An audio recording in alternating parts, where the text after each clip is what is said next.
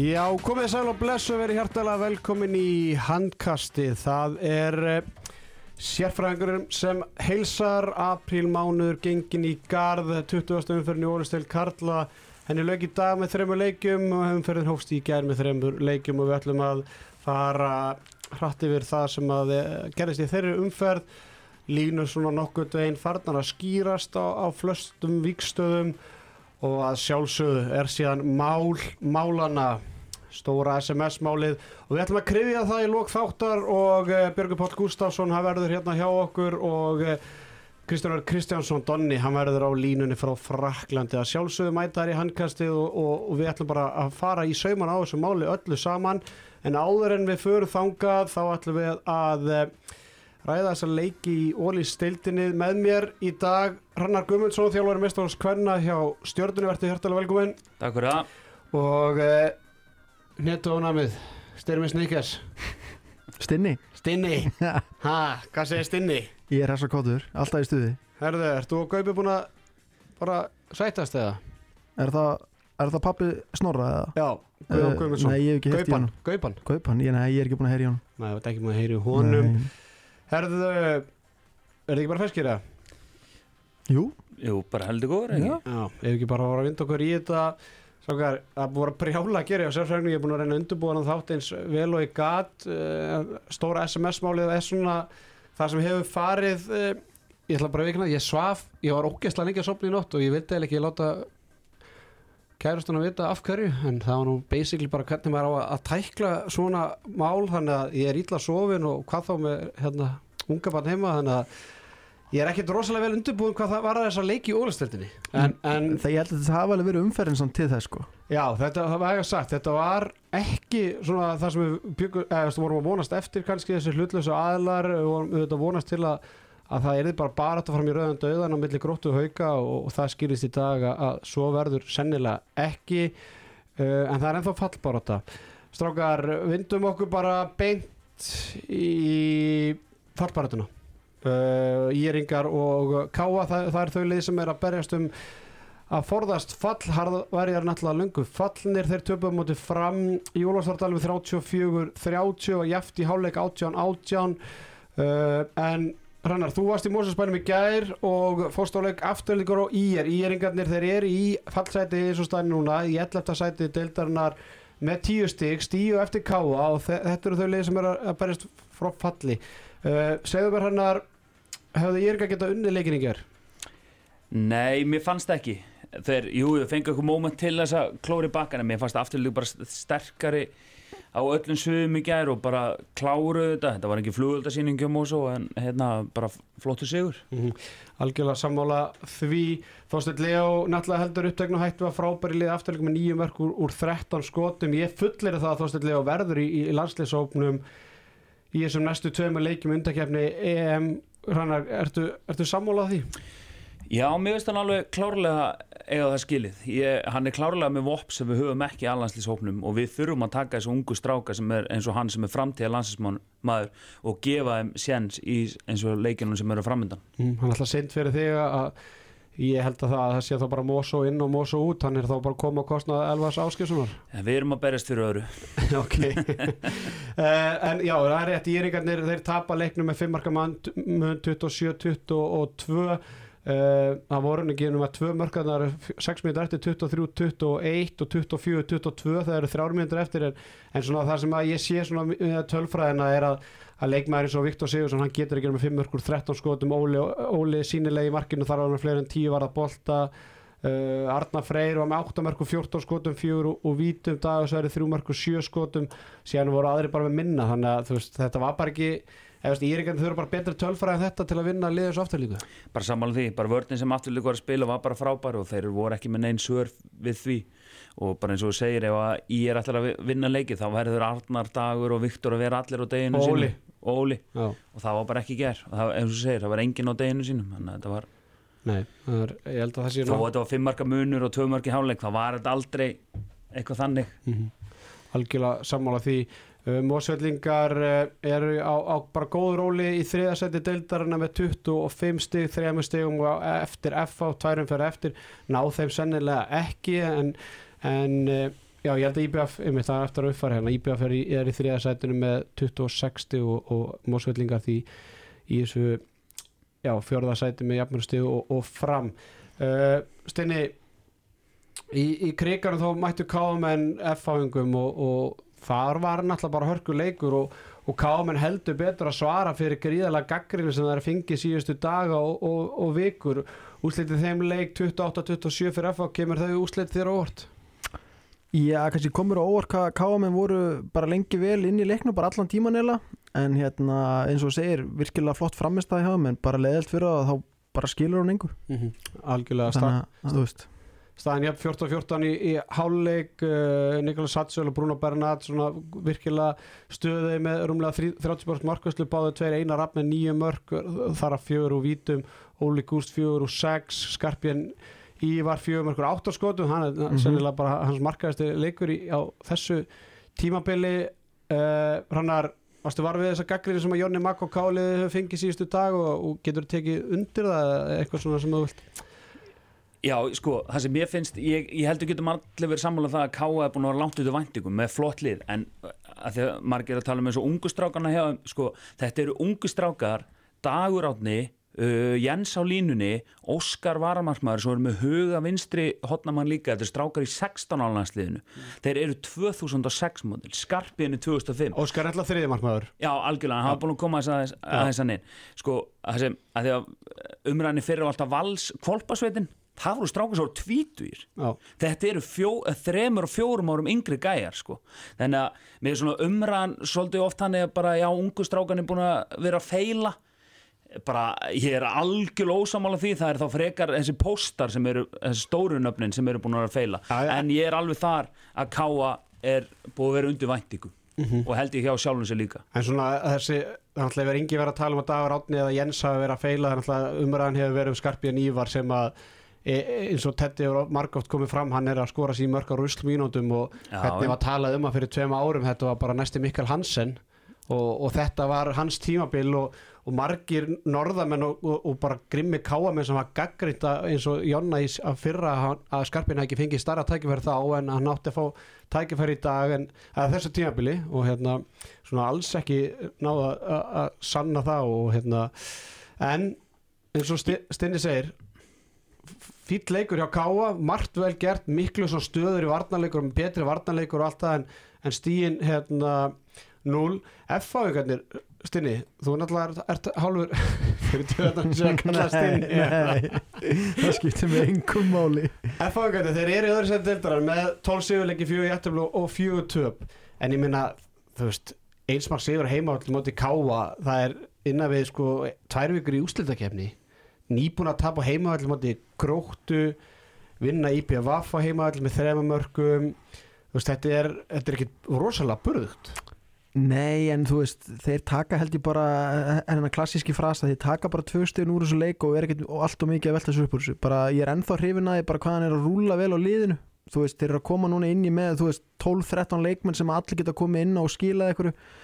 Döler var ekkert spesi í þessu leik þetta, allan að þetta sem ég sá sko. Þannig að þú veist, þeir eru eigalega svona nokkra markvöslur inni hjá honum og einhvern veginn, mér fannst þér alltaf gefa í og komast í 2-3 mörg þegar að Káa var að fara að nálgast á og þeir einhvern veginn bara svona gerðu nóg. Þannig að þú veist, ég er bara ég, þú veist, sem hálfur F-fæðingur hérna, þeir geta bara farið, held ég bara brattir inn í þessu úslutakefni Hrannar uh, klárum með þessa fallvartu umræðu.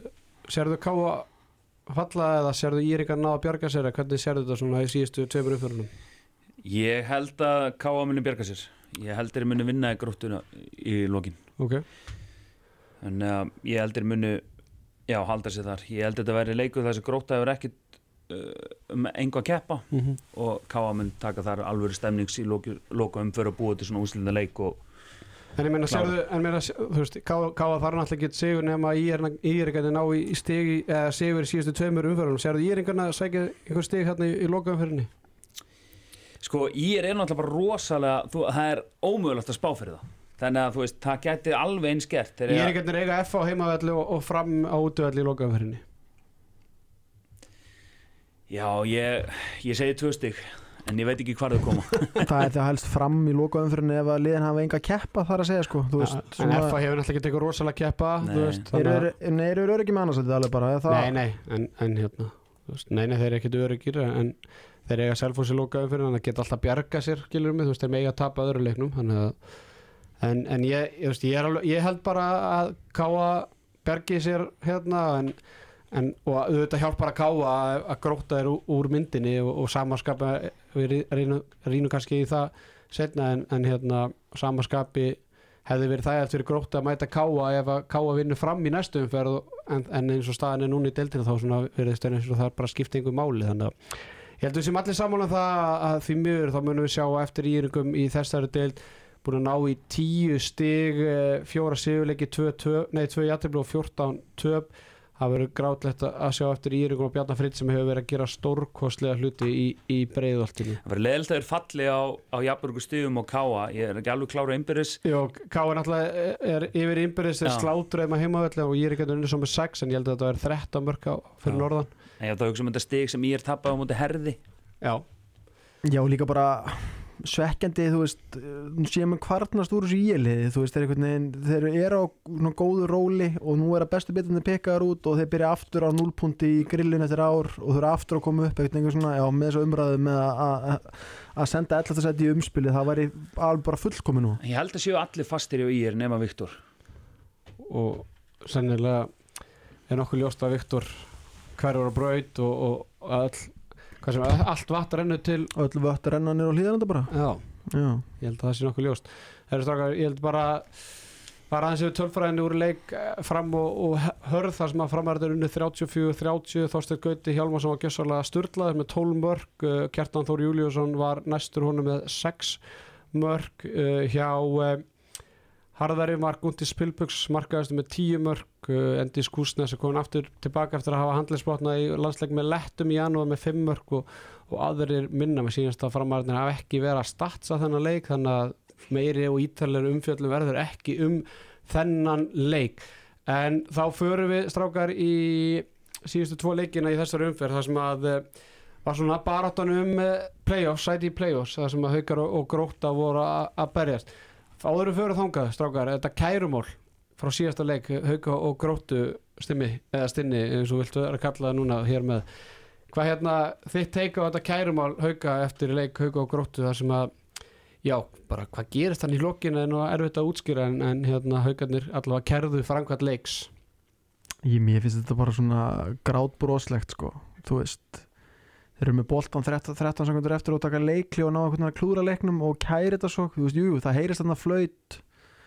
Það er augljóslega ekki held ég að vera að flauta á miðja því það var aldrei markið á og bara, þú veist, þetta verður bara raunur felt er ekki nú þegar búið að gera það sko, bara og tala hann ekki um eftir úslit í kvöld þá held ég að haugunin hann ekkert að vera að halda þessu mikið meira til streitu, þetta er bara e- þetta var réttu dómur þetta auka flaut hann og, það- og, og það sem ég velti fyrir mig þegar ég hlusta á umræðinu í síðasta þætti, hva, hvað hefðu hauka gert öðruvísi í vörninni ef að þetta flautið ekki komið, hefðu þau tekið meira á því í vörninni eða bara hættu vera því að þú veist Nei, þetta neitt. nei, ég er að segja að þú veist það hefði ekkert breyst sko. Nei.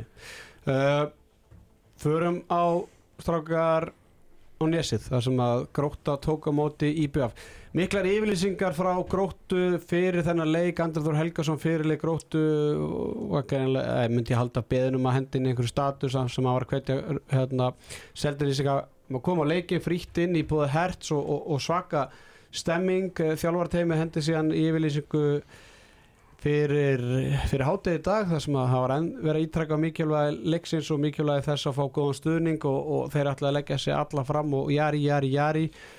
Uppskeran nýju marka tapgróttu á heimavelli gegn IBF 33-24 uh, hjá eigamönnu var Rúna Kárasson að koma tilbaka. Vel, bara mikið kvalreiki fyrir eigamenn maður svona hafði heyrt af því að hann ætlaði að reyna að ná kannski síðasta leik fyrir úsleikkeppnina hann að þú veist ég svona smá blöskraði smá að sjá hann bara já ok vel gert. Ég hérna, held að var ennþá einhver viki í hann en hann var frábær með sjö mörg og nýju skotum fjóra stóðsendingar Sveitn Hósir í værum að fjö mörg á línunni Dagur og, og Tetti með þrjú mörga ásand Arnóri Viðarsson og Elmari Erlingsinni og Kára Kristjáni, það var mikið skorað.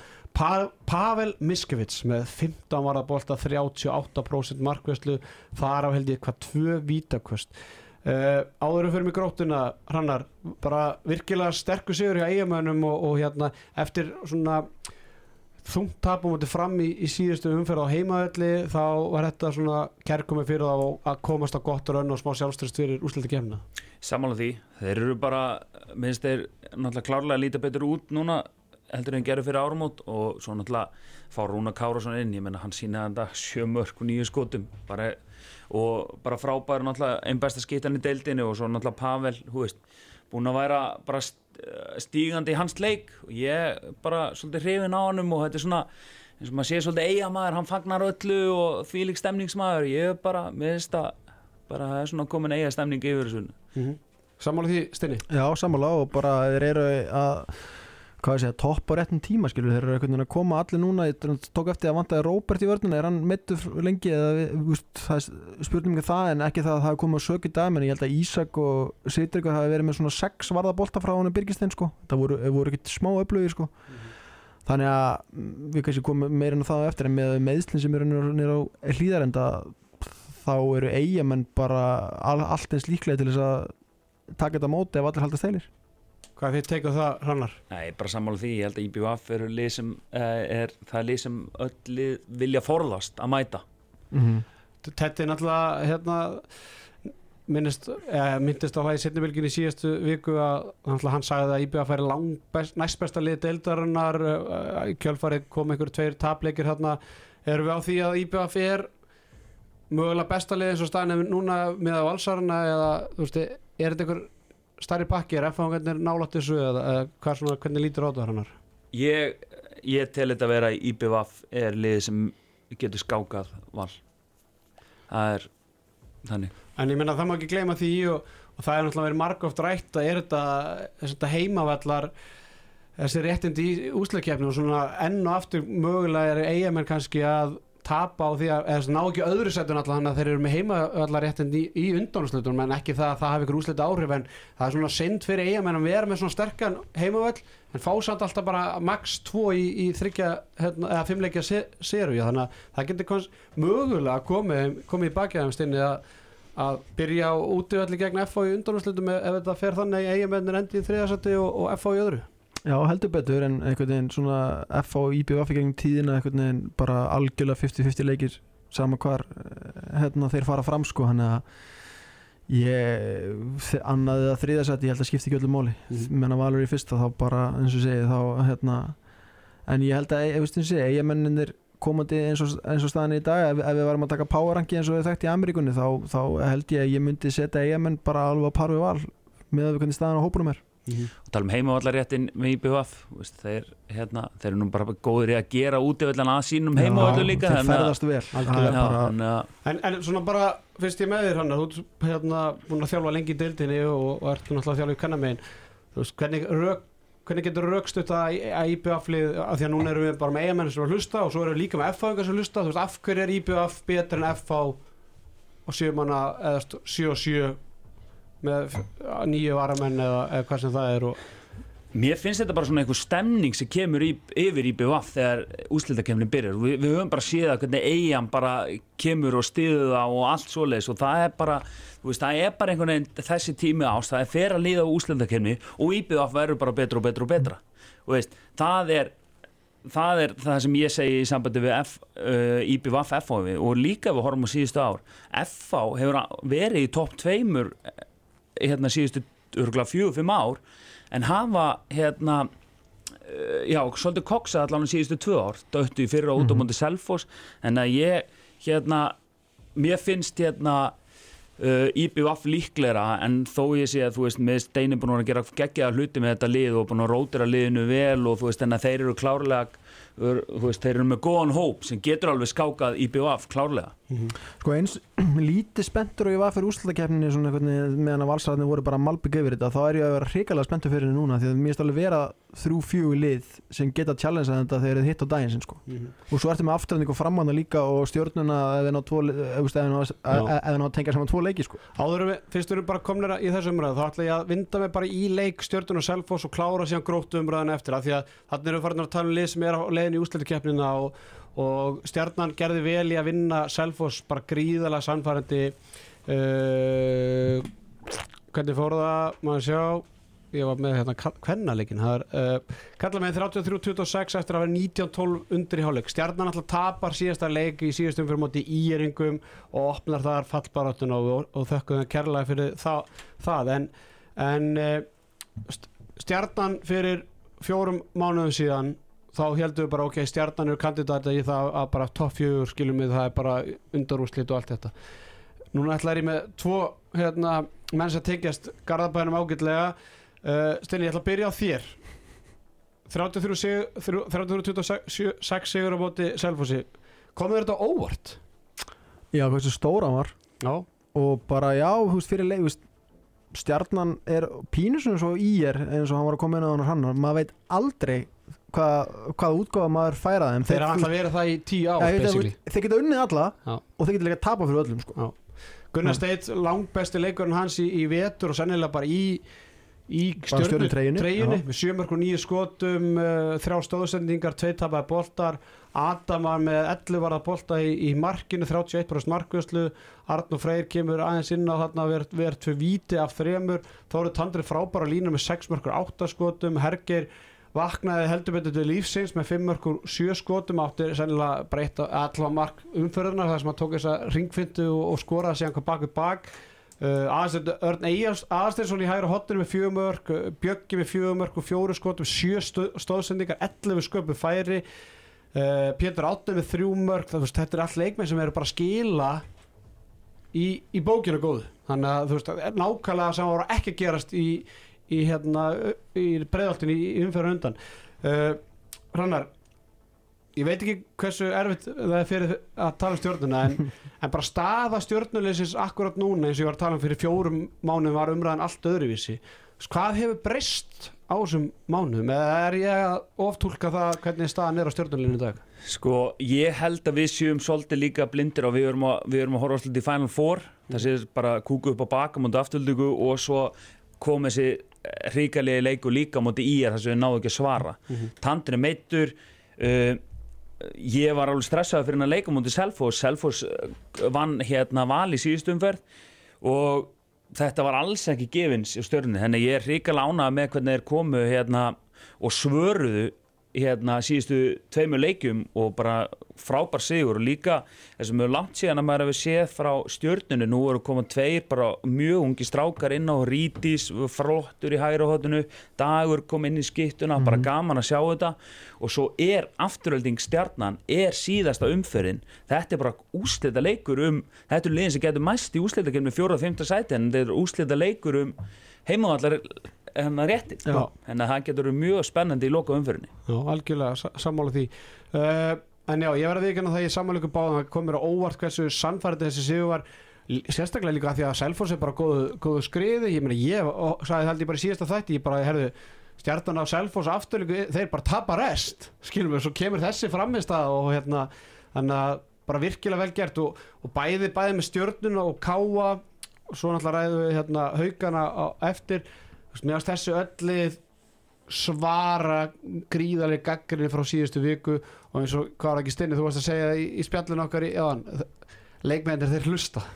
Já, já, heldur betur, bara í öllum liðum. Það er bara, en minna, það er samt hægt við því að næsta leikur á stjórnunni verði eitthvað viðs þeir eiga að hafa verið í bastli bara undanfæri nára að ná tengja leikum, já, að hérna, tengja leikið saman. Er ekki nema bara valnæst hérna. Já, ég meina, förum aðeins Já, ég meina, það er bara ákveðs leikur ég meina, tók á það í byggjarnum og alltaf uh, Já, selfinsingum þar var Ísak Gustafsson með fjögumörkur 11 skotum í fyrsta leik eftir að hafa skrifað undir hjá, eða svona tilkynnt að vera legin í, í val. Það er svona, það er svolítið svona lenskan, að þegar að það búa tilkynna að þú set að fara eitthvað leið þá áttu oftast bara ekkert spesleik í, í kjölfarið Spennufall. Já, uh, allir ævar frábæra lína með 6 mörgur 7 skotum eina sverjus með 5 og 13 Guðmundur Holma 2 og 4 uh, já þetta var bara rosalega mikið vonbreið og, og svona slappur leikur hjá selfinsingum það er eins og þeir eru síðan orðið bara sattir skilum, eða svona það, þannig hérna, tilfinning. Þú veist, þeir eru kán með 23 stig haugarnir náðum sennilega ekki, nei held með þess ekki. Þeir eru með betri innbyrði selfinsingarnir þannig að Selfos verður bara í sjöndarsæti já, þeir verður bara í sjönda og það er svona eins og þeir séu bara búin að sætta sig við það og ég menn það er bara framar sennilega einhverjum Við vorum með það held ég.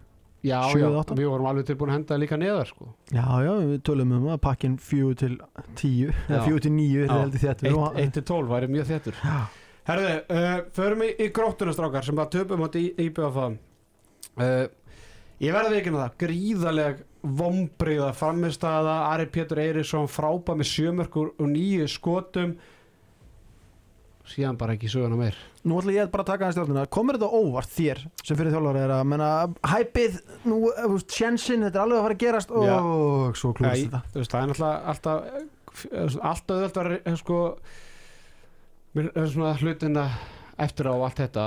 En ég hefði aldrei komið þessar yfirlýsingar að láta fyrirlegan hendi eitthvað Facebook post þjálfarni með eitthvað Facebook post í dag þú sleppið þessu, einbeiti ykkur bara aðeins og svarið öllin og vellinum það skiptir engu máli hvort það er 370 stúkun eða 385 skiljið mig, Nei, nei.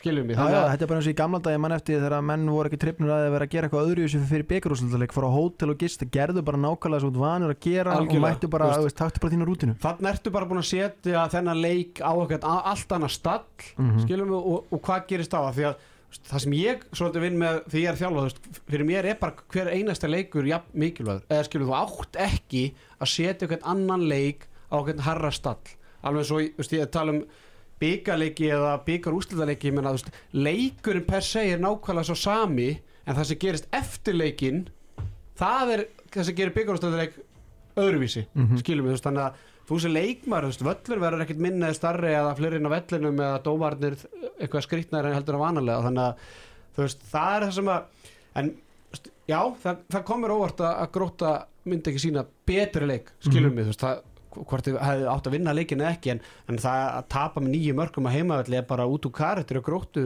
bara frá að komu upp, bursið frá því hvort það var undir minnistjórn eða Róberts á þessu ári. Þannig að auðvitað kemur það mér á óvart en, og samaskapi eigamennir tapa hérna síðasta leikum átti fram á heimavelli þeir eru alltaf svona bara í sömu einhvern veginn hérna gýrnum og, og ég held bara einhvern veginn að gróta myndi bara einhvern veginn kaffara því en, en ég meina, þú veist, með þrjú mörg úr 12 skotum uh, einabaldu með 27% markvöðslu þú veist, gróta gerir ekkert þegar þeir eru ekki sína, sína, sína dag hrannar. bara sammála því ef að gróta ætlar að vinna leiki eh, og sérstaklega á móti þessu liðin þá verður Birgisteyt bara að vera með 8 pluss mörg Mhm. og hérna einabaldin að vera í kringu 40% Það er Alla, alla annarkvort þarf að vera á sínum degi og þá þarf einhver annar að stígu upp eða einhver annar en heim, bara saman ég var að tala um ír ég meina ír vinnur ekki afturleiku þegar þrý fjórir eða ekki simta aft, og, og saman með gróttu þannig að en frábær innkomi Ara Pétri sem er með sjö mörg og nýju skotum í hægri skiptinu og, og hérna eiginlega bara algjör synd fyrir einmitt, þú veist, að grótta skuli ekki nýta sig það að það komi allt í einu óvænt framlag frá leikmanni sem er ekki búist við. Þú veist, það maður haldið að það var einmitt hérna, það sem myndi bjarga þeim en, en staðinu strákar er bara orðið þannig að, að haugarnir núna eru fjóru stigum yfir hérna, gróttuna og, og tvei leikir eftir og haugarnir eiga hörði í, í lokaumfyrinni og, og IBF í næstu veist, er, við, er, er þessi bara átt ekki bara lokið það? Jú, hún er búin bara haukar aldrei að fara að tapa mútið herði í loka umferð með það undir hvort þau komist í úsleikefni eða ekki? Nei. Uh, Hann er svona þitt teika á gróttu? Svona, einmitt það sem stimmi var svona að benda á, þú veist, kemur þetta óvart þessi framist að þegar allt er undir? Eða er þetta svona típist bara, þú veist, nýjunda, áttunda, tíunda besta liði í deildinni þegar allt er undir? Já, ég held það, en hérna auðvitað vildi maður kannski fá betri framistu eins og þú segir, sko, og meiri leik og maður var svolítið maður vonaði svolítið eftir því að því að það var klárlega bara um hérna um sæti bara, og líka eftir hvernig endur þetta fyrra, þú veist, muna hérna, ekkert smá litlu, en að maður hefði svona vilja sjá meiri grimt í að sækja þessu tvö stík. mm, algjörlega uh, mikil vonbreiði fyrir þá sem er að fylgjast með deildina við fáum ekki meiri baráttu þarna síðustu tvær umferðarnar en svona fór um sjóferð þá en ástæðan fyrir því að uh, baráttunum um sæti áttunda sæti í úslagkjarninni er sennilega lokið er það. Að haugandi fóru á hlýðarenda í dag og unnu fimmarka sigur 36-31 eftir að hafa verið fjórum mörgum yfir 18-14 í hálfleik. Uh, það voru klukkuvandræði í hálfleik hjá Völsórum með glæni bótett klukkuna og, og það þurfti að spila setna hálfleikin með klukku á uh, 75 tómu sjónvarpi fyrir aftan klukkuborði þannig að það voru aðteglisvægt að fylgjast með því uh, leikarnir eh, þetta var bara jafn leikur lengi vel en en síðan sígu haugandi fram úr þannig undir rétt eða sko, hvað svona síðustu fimm mínútur í fyrra hálfleik og, og hefðu meira að geta verið fimmörkum yfir í, í hálfleik. Síðan byrjaði bara upptek, eða, sama halda upptöknu hækni í byrjun setna hálfleiks og eru komin eitthvað nýjumörkum yfir þegar eitthvað 20 minnur eftir og þá er náttúrulega leik lokið. Uh, Guðmundur Bræði Ástóð sem var gjössanlega frábær strafar, hlustið á þetta. Nýjumörkur 11 skótum 10 stóðsendingar 10 stóðsendingar að ég væri hérna með klappið eins og í afturstundunum þá, ætti Guðmundur Bræði það er svo innilega skilið. En af hverju er Guðmundur Bræði með 10 stóðsendingar jú, því að þráinn Orri var með 6 mörkur 8 skotum, Heimir Óli með 4 mörkur 5 skotum. Haugandi með 10 mörkarna á línunu og ég horfði á hann leik með fyrir samstarfsfélag mínu Maxim Akbachev og ég meina, þú veist að sjá þetta með, sko, sjá haugana. Þegar heimir, segjum að heimir leggji skóna á hilluna núna og bara, ef heimir hef ekki verið með á þessu tímabili, þetta er ekkit eðlilegt vopn að hafa þessa turna þetta, þú veist, þetta er ekki bara haugandur með sko, heimi og svo eitthvað Gunnar Dan eða, þú veist, Jóel Berburg eða Okka, veist, þetta eru er tvo turna sem þeir geta treyst á það að spili 60 mínútur á línunni. Skilja, þannig að þeir þurfa ekki að breyta um taktík út frá því hver er að spila þeir bara halda upp þeim hætti. Þannig að það að Guðmundur Bræði sé að fara að finna þá núna rétt fyrir úrslættakefnina þetta bara er leikbreytti fyrir haugana. Saman á því, Guðmundur Bræði bara frábært og náttúrulega eftir að þráum kom og byrjar að taka fleiri mínútur hann gerir líka bara heimir betri og þetta heimir fær pásun og það var líka þú veist, í fyrir árum og heimir var klárlega ekki nógu góður en það var líka bara að hann var að spila allt og mikið, hann hafði bara enga orku í þetta og hérna og þegar Guðmundur Bræði er á deginu sínum þá bara er hann öruglega besti einn og einn leikmaðurinn í deildinni sko, hann bara leik sér aðna stundum og þetta var frábært að horfa á hann. Ég meina það sem gerir hann að séu líka enn ótrúlegri er það að haugarnir að gera þetta án Stefán Raps sem er náttúrulega bara þeirra vinstur hóttumann nummer 1 og þristur og bakverður varnarlega. Uh, Brynjólfur Snær spilar ekkert í setnaháleik Tjörfi spilar nánast ekki neitt. Hann, hann kemur eitthvað inn á eitthvað tvær þrjá sóknir. Uh, þannig að þú veist breyttin, við erum hérna með Guðmund Braga, við erum með Þráin, við erum með Andravar Rúnarsson, við erum með Heimi, við erum með Ólá Ægi, við erum með Kristoffer Mána sem er út 21 áslagsliðinu, við erum með Brynjól Snæ, við erum með Adam Haug, við erum með Geir Guðmundsson, við erum með Tjörfa, við erum með 10 útilegmenn hérna, pluss Stefán Raffn, þetta eru 11 útilegmenn sem ég myndi treysta að vera inn á bara klöttstæmi hvað einasta leik sem er, Mhm. þó að staðan í deildinni kannski gef ekki, em, get- bakka kannski ekki endilega það sem ég er að segja, en þú veist, strákar, haugarnir í úslæðkefni Já og sko þessi lið munum mætast. Það er alveg bara 99% líkur Já, það er, það er bara 100% líkur. Já, já, nema gróta og hugsið ykkur hvað þetta gerir fyrir haugana bara andlega. Að vera búnir að vinna val. Bara herrðu við getum þetta, þetta er þarna auðvitað eru valsar mjög laskaðir. En þeir verða það öruglega líka þegar þegar, þegar úrslutakefnin hefst. Mögulega Agnar kom inn en mér finnst það ólíklegt þannig að, ég meina, úslæðkefni sko, bara fyrir hlustendur, næsta umferðar á miðugdægin loka umferðarinn á mánundaginn annan í páskum og svo byrjar áttaluguslitin á laugati Mhm. Þannig að- það eru, er tvær, vikur. við, Agnes Már er ekki að fara að ná sér á öklanum held ég á tveim vikum. Benni náttúrulega bara er átt þú veist, ég er bara ég er tilbúin að bara henda henda því bara fram að ég held að Benedikt Gunnar spila ekki meira á þessu tíðanbili Robert uh, mjög ósæðilegt að hann spili meira á þessu tíðanbili Magnús Óli, hann fór illa á öklin á hann já, sko. já, þú veist, þetta var alveg, þetta var sín takt í sjónvarpinu þetta var ekkert sérstaklega fallegt að sjá þetta veist, aftur. ég, ég meina, sa- þetta var ekkit eðlilega sannfærandi sigur í haugur mán að þetta séu liðin sem var að mætast. Og ég nefndi það náttúrulega í Evrópubilginni eftir að, valsarði tapa móti göppingen er að, að þessi Evrópukefni hefur kosta á gríðalega mikið og, og uppskeran.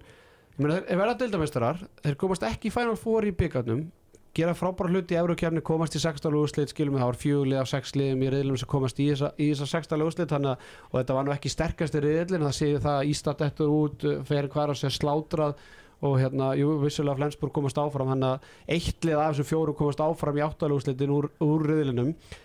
Uh, Haukar Valur í áttalúslitum þú veist, worst case er deildamestartitill tap í áttalúslitum í byggar tap í áttalúslitum í Íslandsmátinu þetta er ekki það sem menn var að tala um fyrir tíðanblið, Ramnar Nei, algjörlega, en hérna ég fulltar trú, að valsmönnum í hérna áttalegu slutum á móti haugum uh, auðvitað líka, þetta er fyrsti leikurinn þeim eftir göpping en hérna, leikin sem var á veist, þetta er stuttur undurbúningur og að missa, veist hérna, benna alveg út hana, fyrir þann leik Agnarsmári út og bara spennufallið, veist þetta veist, þeir eru búin að vera bara eins og kongar, skilju bara í umfjöllun og öllu sem þeir eru að fyllilega skilið og auðvita þú veist, bara gríðarlegt spennufall núna en þeir þurfa klárlega að fara að rífa sér í gang.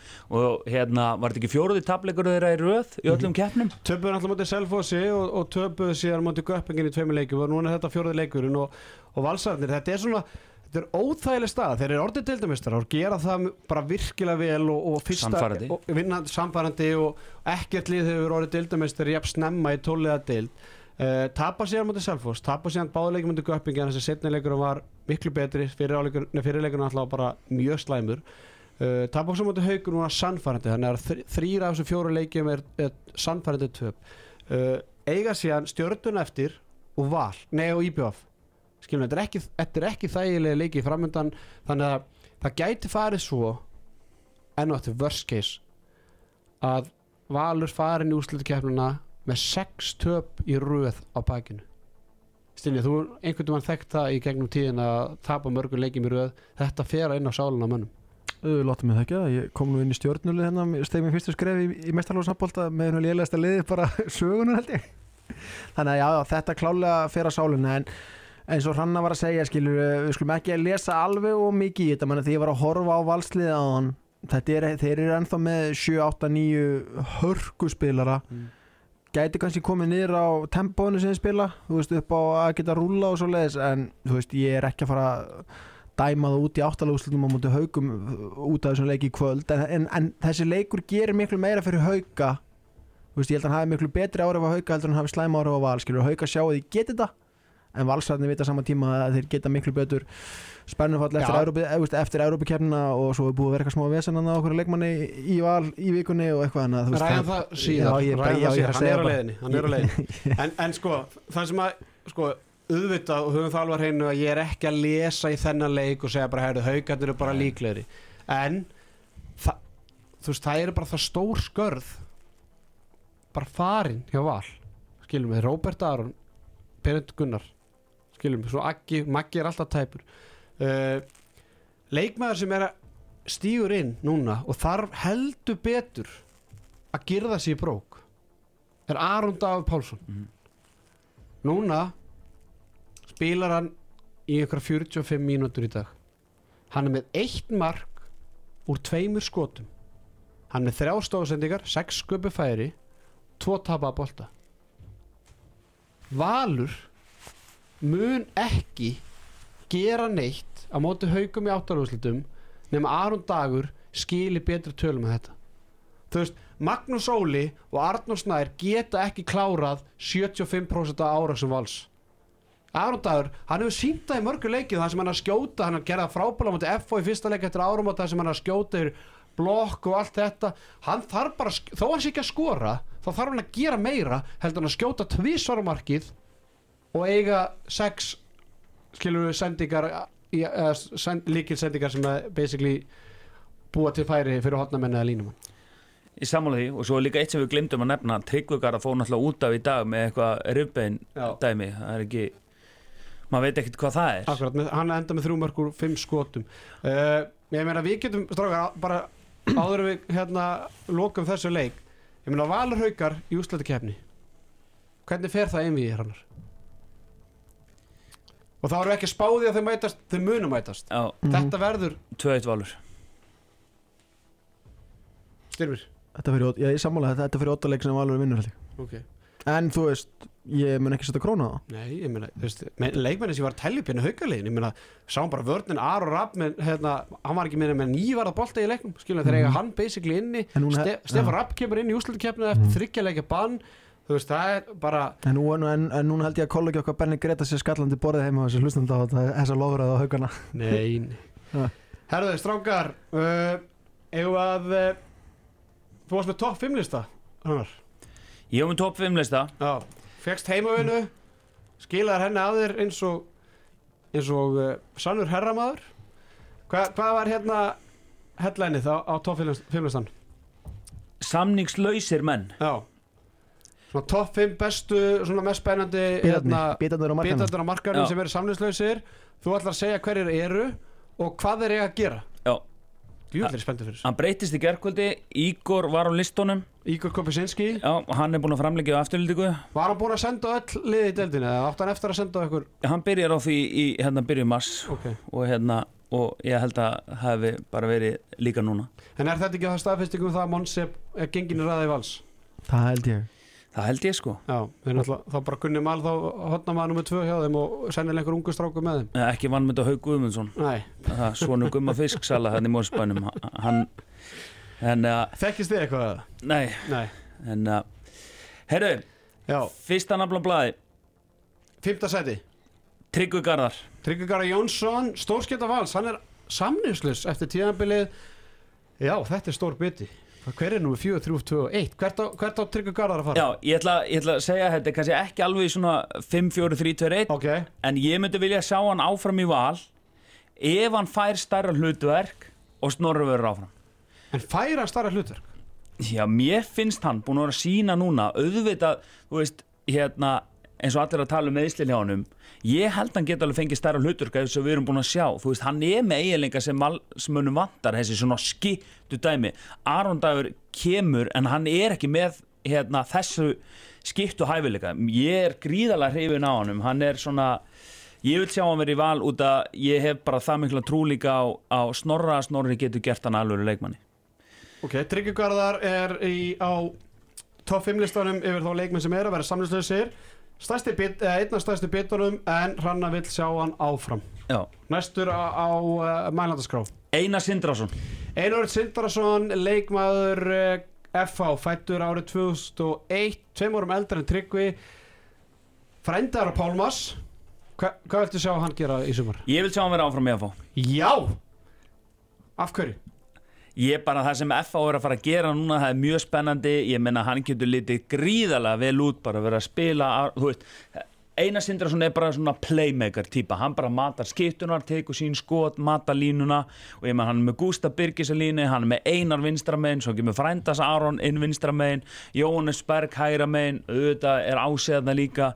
Hann er bara búin að vera að spila vel fyrir FA og hann er bara að vinna sig upp og hann er bara að vera þar og, og halda áfram Okay. Einar Sindarsson er einn af störstu bitunum á markanum í, á þessu í, í sumar en vill að hann verði áfram hjá FH. Hver er næstur á uh, listanum?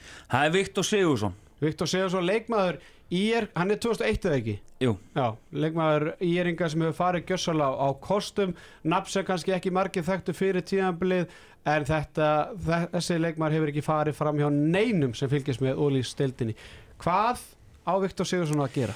Ég vil sjá hann fara í val eins og Já. ég held að séu eiginlega staðfest en ég held að sé gríðalega gott skref fyrir hann að fara inn í hennar hraða bolta hann er ekkit ósvipað leikmaður og Benny s- svona á típu hann getur keirt hennar hraða upp og haldið góðu floti hann er góðu maður og mann, góður að spila og ég held eins og sama og hérna með Tryggva ég hef mikla trú á, á Snorrastein og ég held að Snorris getur skert hann að alvöru leikmann hann kemur ekkert óvart ef að Viktor Sig færi aðtunum mennsku einmynd eftir svona 2-3 ár, eða 3 ár Ok. segjum það Ok, aðteglisverður listi Hver er uh, næst síðasti maðurinn á listan?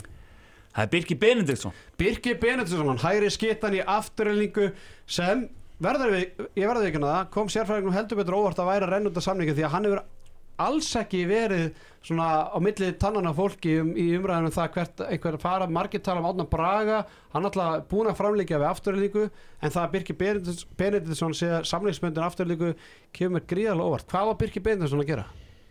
Ég vil svo Birki Benediktsson vera áfram í Mórsbænum Já! Voða er þetta eitthvað Senda bara- þessar menn út um kvipin og kapin Fáum hann í haugana En af hverju er hann, sam, af hverju er hann ekki búið að semja við hann? Spurðu, sp ég bara get ekki svara fyrir því. Nei. En ég, hérna, ég veit bara ástæðan okkur ég vil hafa hann í Mosó og náttúrulega fyrir utan það að ég er Mósildingur að bara það sem er í gangi í Mosó líka núna náðum við fyrsta titilinn því sáu það, þú veist ekkert smá sem þetta gerði fyrir bæinn. Ég hef trú að þessi titil geti tekið afturlíku á næsta skref þeir þurfa að styrkja sig með einum leikmanni sem getur leist blæ og hérna og steina af holmi Svo þurfum alltaf fylla að skara eina singa ef hann hættir. Algjörlega. En hérna veist, ég vil bara sjá hann vera áfram í Mosó, það er eitthvað að gerast. Ég sé ekki hvað lið að fara að taka hann. Veist, hérna í dag sem, sem var í starri en afturlýting þar að segja. En að ég vil sjá hann áfram í Mosó já, Ok. Síðast vera á topp 5 listanum eru þá leikmenn sem eru að vera samningslausir. Það er Geir Guðmundsson Já, Geir Guðmundsson hægri skitt að hauka manna tvær, tvær örfenda skittur á listanum undir lokin. Hvað á Geir Guðmundsson að gera? Ekki ég, segja hann að vera ákveð. ég myndi vilja sjá hann skiptum lið Já, vá, ég ætla að segja. en það kemur kannski óvart ég var til að sjá hann í gróttunni Já. bara hérna, það sem ég finnst að Geir þurfa að gera er bara að fara að skipta um umhverfi og svona, hann er klárlega kannski ekki búin að standa undir væntingum í haugum og sjá hann í gróttunni hjá Robba Gunn sem er svona nýr þjálfari og hérna með Birgistein vinstra megin hann á mið, nei, hægra megin. Ég held að þetta getur helviti skemmtilegt þar. Mhm. hvort að hann sé til í þessu það er annað mál. Já, hann er alltaf e, mögulega stjarnan sem er í leita á hægri skiptu, náttúrulega með Pétur Átna uh, ég með þetta náttúrulega í leita af örfundu leikmanni en, en ég get, ge- ég bara alltaf óbyrða það að hérna Arta Birkir Haldarsson gæti orðið tilkynnt til leikmar íbjöf áður en uh, næsta vika verður öll. Já. þannig að uh, eigamenn svona virðast vera búin að finna mann í staðin fyrir Rúna Károsson í Arnari Birki, það skýrist bara í næstu viku. En það verður aðtilvægt að sjá það hvað Geir Guðmundsson gerir og, og, og algjörlega hári rétt að grótið vantar hægri ég meina Þorgi Bjarki hefur verið að skila, spila hægri skittu en að síðustu leikjum og, og gert það bara ágætlega. En ég meina þú veist þetta er þið bara mikið svona framfæri stig fyrir gróta að fá leikmann eins og Geir Guðmundsson fyrir um atvinnumann og úlingarnagsmann í, í félagið? Í samanlega því, svo er náttúrulega önnur hægri skita sem hlýtur að losna, það er hann, hann í fram. Luka Vukisevic og Gundi Spilpugs. Það er alveg frambóð örfundu leikmönnum í dag. En að þetta er bara það verður fórhundilegt að sjá hvað gerist Algjörlega. Herðu stráka, við ætlum að heyra í, í góðvinni þáttarins uh, Theodor Inga Pálmasinni hann ætlar að uh, gefa okkur uh, insýni það hvað honum finnst um stóra SMS málið við ætlum að ljúka þættinum í að ræða þetta rosalega mál sem hefur verið á milli tannan á fólki síðustu daga. Mál uh, Björguns Páls og, og Kristjáns Arnar Kristjánssonar en áður en uh, við ræðum þetta hér þá ætlum við að heyra í Pónssoni sjálfur Pónssona, þú ert á línunni. Já, takk fyrir það. Já, sæll og blessaður. Herðu, við ætlum að ljúka þættir eins og ég var að segja að ræða þetta rosalega mál sem að hefur ekki farið fram hjá neinum og uh, þess mátti gaman sketa að Björgun Páll og Donni uh, Björgun Páll er á leiðninga til okkar og Donni verður á línuna á eftir eins og við höfum auglýst í allan dag og hérna gríðlega spenntir að fá að krifja máli með þeim á eftir. En, en auðvitað fá, verðum við að fá þitt teik á þetta Teddy, komdu með þitt teik Mitt teik, bara hvað er við að byrja? þetta er náttúrulega bara, þetta er náttúrulega bara, já, já, þetta er búið að vera mjög áhugavert allt saman og, og alltaf svona þegar maður þarf að fara að greina eitthvað svona persónlega samskipt á milli manna en, það er bara þeim sjálfum að þakka að þessi komið að hans dag. Sko, e, fyrir mitt leiti, eftir að hafa skoðað þetta, að þá held ég að Björgunni Páli hafi gengið gott til eftir að hafa lesið skilur samskiptin fyrir á milli og allt svoleiðis en náttúrulega bara það sem að skipti máli er náttúrulega bara þessi hérna, skilabóð sem að sendur hún daginn fyrir leik. Fyrir mitt leiti skipta hinn skilabóðin eiginlega ekki máli.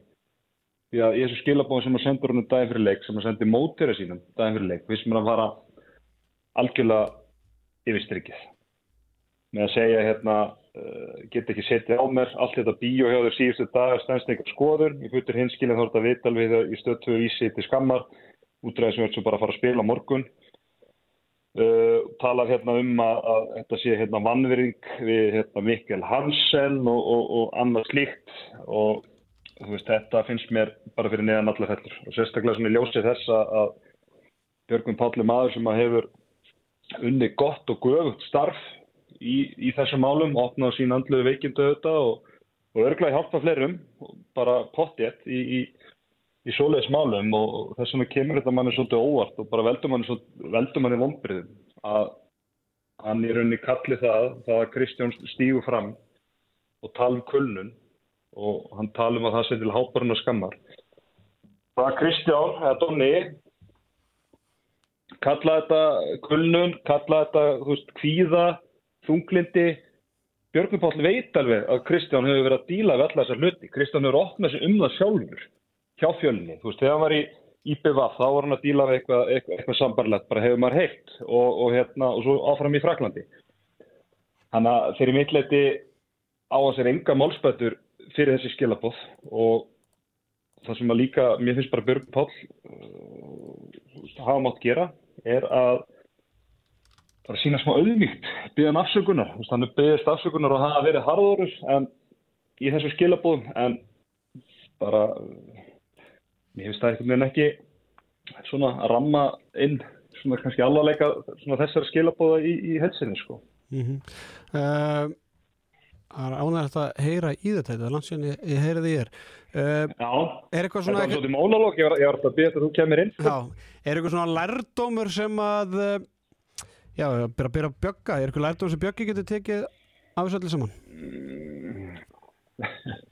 Ég ætla bara svo sem ekkert að fara að að segja hann hvað hann að gera og hvað ekki gera. Ég meina hann hefur tekið þessa nálgun í svona síðustu misseri að, að hérna einhvern veginn að, að reyna að stýra sínu eða narratífi kringu sig með, með Facebook statusum sko. Þú veist, ég meina mögulega er það eitthvað sem að hérna, ég meina það er bara hans ákvörðun og hann er svolítið uník kannski íslensku íþróttalífi með það. Við sjáum þetta ekkert, ég meina yfirleitt er það bara þannig að blaðanar hringir í því og þú tekur síman og, og, og, hérna, og málin eru svona fara þann farveg en eins og tengslu þetta mál þá kaus hann að svara ekki spurningum fjölmjölamanna sem voru hann að ná í hann í aðdraðanda þessa frétti var hérna styrt og svo eftir þetta viðtal frá Donna.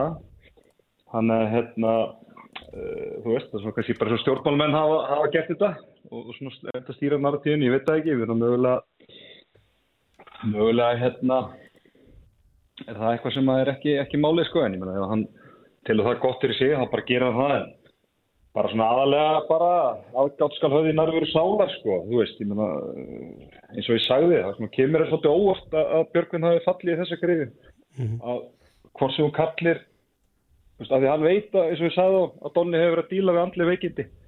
Og hvort sem að og sko ég er ekki sérfræðingur í andli veikindi ég teka fram og það verið bara svo heppin að svona verið nokkuð lausið þau bara í gegnum mína æði en bara svona samtölu við aðra að veist, fólk sem er að díla við andli veikindi og erfiðleika það upplifir það ekkert á eins og sama hátt sko Björgun upplifir sína andli og erfiðleika Donni gerir ekki nákvæmlega eins Þannig að þú veist, eins og ég segi, bara að, þú veist, að hjóla í þetta, hann hafi kallað þetta kulnun þegar hann á bara við ykkur hérna vandamála að stríða og bara er í sínu hérna að finna út af því.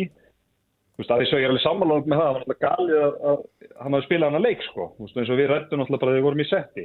Það er ekki Björgvins, Björgvins Páls að ákveða það, maður sem hann er að anstæðingur hann stæðin eftir og fyrir mitt leiti, þú veist, þegar áðurinn ég sá heildarskilabóðin frá honum, þú veist, þá svona mýktist ég að sé afstöðu minni, gangvart þessu heilstæð, því að áðurinn ég sá það, þá bara skrifaði þetta bara á, bara svona eiginlega bara einhverja ílsku, sko, mér finnst þetta bara svo ljótt og, og taktlust, en eða þú veist, bara ljótt og, og svona illa innrætt á honum, sko, en, en svona eftir að sé það, þá ætla ég að skrifa þetta það, og nú gekk ekki eitt íst til, skiluru, en ákvæmlega taktlust mm. og bara, það er svona kannski uh, það sem er svona endapunkturinn í þessu öllu saman. Og svo annað í þessu sko, segja endapunktur, þetta útspilast í dag með að draga sig á landsliðinu ég veit ekki alveg hvað hann gengur til með því sko, því að mér, fyrir mitt leiti þá finnst mér að bara vera að setja Donna í ræðilega stöðu sko og, er, og ef, að, ef að hans einlagi vilji er að hjálpa Donna gegnum þessu veikindi þá er þetta ekki til þess fallið, ég, þú veist, ég meina hvernig hvernig hann eftir að taka þessu, hvernig verður stemningin í landsliðinu þegar Donni mætir, skiluru, þú veist. Það er svona, fannst mér ekki, mér fannst þetta ekki, hérna, svona, þú veist, ef það var, ef það var markmið að venda Donna og svona reyna að leiða þetta mál til einhverju líkta, þá fannst mér þetta ekki rétt að leiða til þess. Já, mér finnst þetta að vera frábæð punktur hjá þetta því að ymmit, þú veist, að, þú veist, var þetta ymmit tímapunktur, þú veist, þarfið, þú veist, og þarft að gera status á, á laugadegi um þetta þegar að máli er eins heitt og það er, þú veist, þarf ekki bara aðeins að anda, slaka aðeins á, taka símtali við HSI, bara, heyrðu, hvað eigum að gera hérna, þetta er staðan, þú veist, það, það vita allir hvernig Já. staðan er, staðan hefur bara ekki verið góð, staðan hefur ekki verið góð innan landsleis klefans bara síðustu mánuðina, þráttur auðvitað að Björgvin Páll vildi meina það sem þekta status sínum fyrir ykkur tveim ykkur síðan að, að klefin hafi aldrei verið sterkur þetta sé bara sterkasti klefi sem að hann hefur verið í, skilum við, þú veist, er þetta einmitt það sem að landsleisfyrirlega að gera er að, ljúka, eða gefa ekki kosta sér og tilkynna það endil á Facebook veist, þurfa allir að vita hvað Björgum Páll er að anda og, og, og í hvað átt hann snýr? Nei, nei, ég er alveg sammála því og ég minna, þú veist, ég og þú og eiginlega bara allir, það var svona beint eða óbeint eða sem eru bara fjallum íþrættur í Íslandi svona, þú veist svona verið endapunkturinn eða svona, hérna, verið endapunkturinn á hans Facebook statusum og ég minna, þetta er bara hans leið til að, til að, til að hérna, díla við hlutina og þú veist, ef það er eitthvað stórmál í gangi og þú veist, eitthvað þannig, þá bara kýsin að gera það. En ég er algjörlega sammálaðar að með þetta þetta var hérna mjög ótímabært og enga veginn til þess fallið að leysa þetta mál. Og eiginlega bara þetta var eiginlega bara til að hérna svona ífa upp stormin enn frekar sko, frekar, frekar en að róa. Mm Algjörlega. Herðu, Teatur Ríki Pálmarsson er eitthvað sem vilt bæta við áður við skellum á og leifum snikkið svona að segja sína skoðun á sig Nei, nei, þetta er bara hérna eins og ma- eins og maður segir sko þetta að vilja bara vera með okkur í þeirra umræðu. Nei, ég meina, Já. Teddy, takk bara fyrir að taka alla punktana sem ég var búin að skrifa inn í spjallið okkar. Nei, Já, já, já, nei, nei, ég meina, þetta er bara ég, ég, ég hef ekkert meira að segja. Jú, jú, Já, já, ég kem með eitthvað. Tekur, tekur, tekur, tekur þína hérna, tekur þetta áfram. Ég er allan að þetta er svona þú veist, ég er aðeins búin að, hérna, hugsa þetta þegar hvað sem við að tjá mig um þetta þá hugsa ég þetta aðeins og, og svona eh, svona reynda að ramma þetta sín að þetta er búið að vera svo út um allt og þetta hefur svo marga ánga þetta mál. Þannig ég svona fóraðist bara yfir samskipti þeirra heitstætt og, og þú veist bara eftir stendur að bara þessi skilabót dagi fyrir leik. Það er eiginlega bara útgangspunkturinn er bara fáránleg og bara til skammar. Það er eiginlega bara það sem að ég hef um þetta að segja sko. Herðu, Teddy, takk hjálpa fyrir þetta. Við ætlum að halda áfram og svo náttúrulega má ekki gleyma því að Bjöggi er á leiðinu og Donni verður á línun hérna á eftir.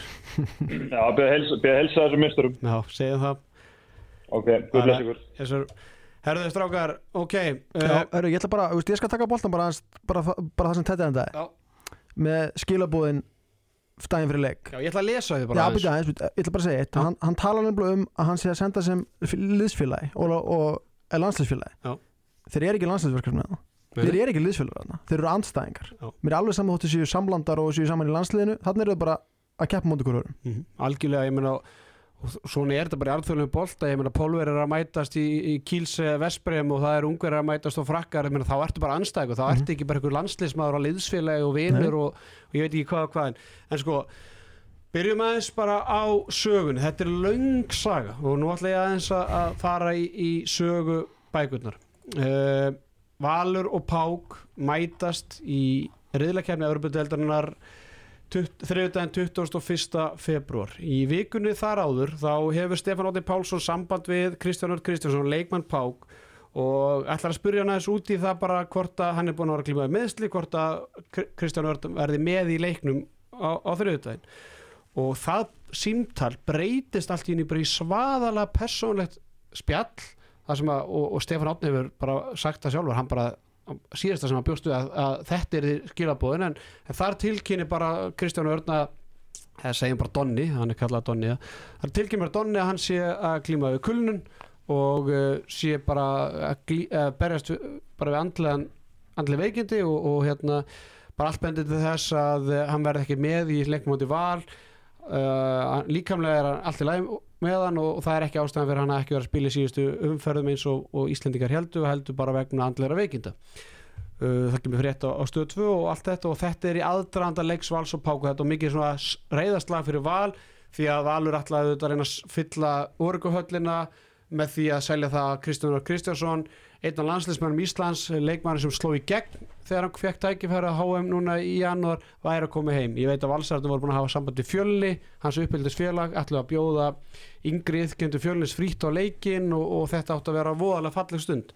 Uh, auðvitað bara breytist það fjölnismenn afþökkuðu miðana uh, bara erðu þetta bara hann er ekki með þá er, við erum ekki að mæta horfa á valur franslið hérna. Bara skiljanlega. Uh, Pákarnir mættu á, til Íslands æfðu í Órikuhöllinu á mánudeginum og ég er að þjálfa alltaf á mánudum upp í, upp í Valsemili þannig að ég ákveða að, chilla eins upp í hérna, Valsemili njóta þess að vera ekki honum faðir og, og hangi ekki heima hjá mér hérna, allan daginn. Og uh, Kristján Örd, hann stígur út úr liðsrútunni hjá Pák, kemur á æfingu. Ég svona fylgist með þeir eru lengi svona activation æfingum, nýkonur flugi og, og allt þetta. Svo bara byrja æfingin, þeir sendað tveir og tveir og hann er bara með og ég bara svona ok, hann, hann vera bara með. Svo bara fer ég fram, kemur svo aftur þá eru þeir á teig, þar sem hann er bara hægri skipta nummer eitt, bara kle, kler á miðjunni og, og, og allir, hérna, allir þessi kallar. Þannig ég setja á Twitter eru Kristjánur Kristjánsson mættu til landsins, var með á æfingu Pák í dag, allt bendir til þess að hann spili á morgun. Þá náttúrulega verður mikið fjara fók upp, í val- þetta fréttist, Snorri Steitt fréttir þetta Óskapindi fréttir þetta, Björgvin fréttir þetta og í kjölfarið sendir Bjöggi Donna SMS er, þar tímasettingin er reyndar ekki hérna. Er þetta þér að kenna? ég veit það ekki en Bjöggi sendir hérna get ekki setið á mér. Allt þetta bíó hjá þeir síðustu daga stendst enga skoðun. Hérna bara byrja rugglið Mm og ég ætla, ég ætla að hafa þá hreinu ég ætla ekki að mynda með skoðun hvað er rétt og rámt í þessu máli. Þetta, fyrir mér er þetta bara algjört fíasko þú veist, það er ekki hægt að standa með bjögga í þessu máli eða donna, þú veist, það bara þetta bara, þetta á bara eitthvað mál sem þeir kljóst við báðu tveir. Þannig að, en ég ætla að gaggrina það sem ég finnst gaggrinverti á bjögga og ég ætla að gaggrina það sem ég finnst gaggrinverti á Bjö- donna. En það að skilabóðin sem eiga að vera hjálpleg frá anstæðing byrji þannig, ég get ekki setið á mér allt þetta bíó hjá þeir síðustu daga stendst enga skoðun í fullri hinskilni, þá er þetta viðtal við þegar stöðtu vísi sem að tók við Stefán. Stefán vikun áður til skammar út frá því að þú sért svo bara að fara að spila morgun. Ekki miskilja mig, ég hef skilning á andlegu vandamál ef einhver þá ég. Var fljótur að nálgast því þegar þú opnaði með kvíðan þungliti í fjölni á sínum tíma en það, gefur, en, en það gefa það út að þú sért í kulnun er vannverðing við alla þá sem var lent í slíku 3-12 mánu erfitt ferðlan á sér upp úr veit ekki hvað sálfræðingur að prófessor gaf þér þessa greiningu og gefur þér svo grænt ljós að spila. Hér stemmir ekki eitthvað. Þetta er eins, er eins vannverðing við Mikael Hanser og ég veit ekki hvað. Eins og þú veist þá er ég hreinskil og vil freka segja þér mína skoðun heldur að tjá mig um þetta í fjölmjölun vona að, þú gerir þér greint fyrir áreitinu sem fylgir því að spila Európa-leik á Íslandi og myndi ekki mæla því fyrir neitt sem er stattur í þessari uh, sem er stattur í fyrstu viku kulnunar ef það er ekki þinn vilja að spila til dæmis einhver þjálfari að stjórn er að þvinga því það og þú telur að það bitna á andlega heilsu þá þarf að leita í fólki þitt og fá aðstof með það allt saman. Ef að það er hins vegar þín löngun að spila og þú hefur gert mistök í þessu kulnuna viðtali þá þarf að klera það að mínu mati. Svona kemur þetta illa út fyrir þig klubbin og aðrar íþróttamenn sem er að díla við andlega veikindi. Ég spyr hvaða hjálp er í þessum skilabóðum? Engin. Ég ætla að fá inn í annan búnd. Já. Að það er gott að heyra annan, annan lesa þetta þegar maður er búin að lesa þetta svo ofsjálfur af hverju þar Björg af hverju sér Björgvin sem knúin til þess að tjá sig um þetta í viðtali, þú veist, hún finnst betra að segja þetta við hann í persónu heldur en í viðtali eftir leik. Af hverju ætti nokkuð maður að vera að leita sér til viðpröfum Björgvins við andlegu málum um Donna? Einmitt. þú veist, ég er alveg hjertanlega sammálaður. Hérna með þetta að það er erfitt eitthvað að taka eitthvað svona sæt í þessu máli. Uh, þú veist, Donni kallinn gerir mistök og Björgum Páll gerir meiri mistök að mínum mati. Og bara þú veist, þetta er ekki og ég sammála þetta og ég sammála þér það sem ég þekkja Björga er alltaf hennu góð og hann er búin að gera frábæra hluti og ég er alveg vissum að hún hafi gengið gott til.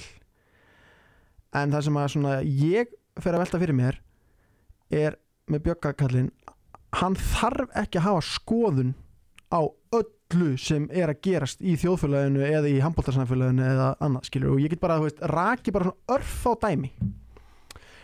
Bara á síðasta árinu.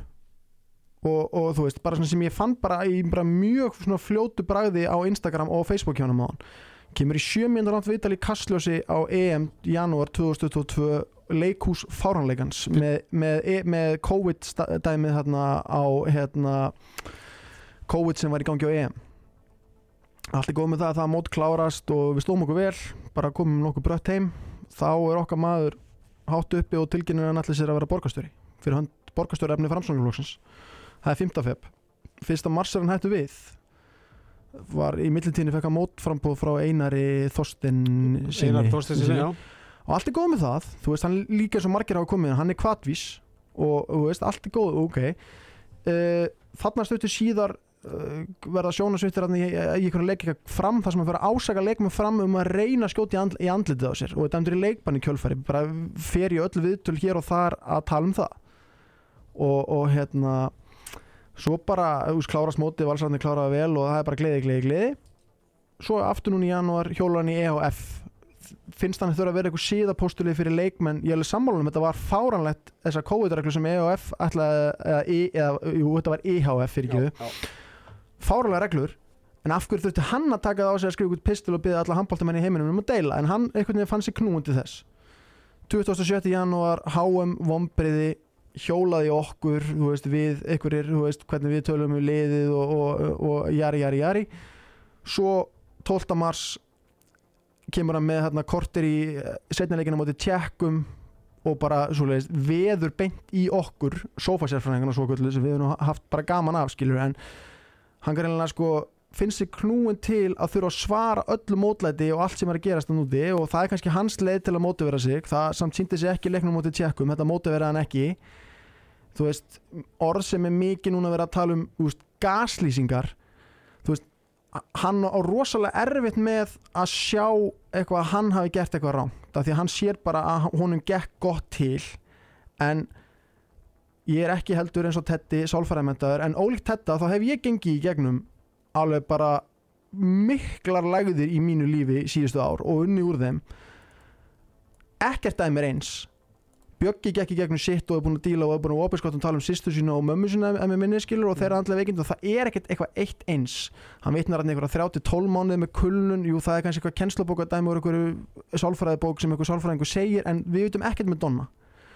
Og veist, ég er að reyna að koma þessu bara svona veginn snirtilega frá mér þess að vera eitthvað að, veist, en þessi skilabóð sem hann sendir honum það er engin hlýja í þeim. Veist, og ég efast ekki um að hann hafi búin að hjálpa Donna já, frá því að hann stígur upp með þetta hjá fjölni fyrir sjö ánum síðan eitthvað og búin að, og búin að spjalla um þetta.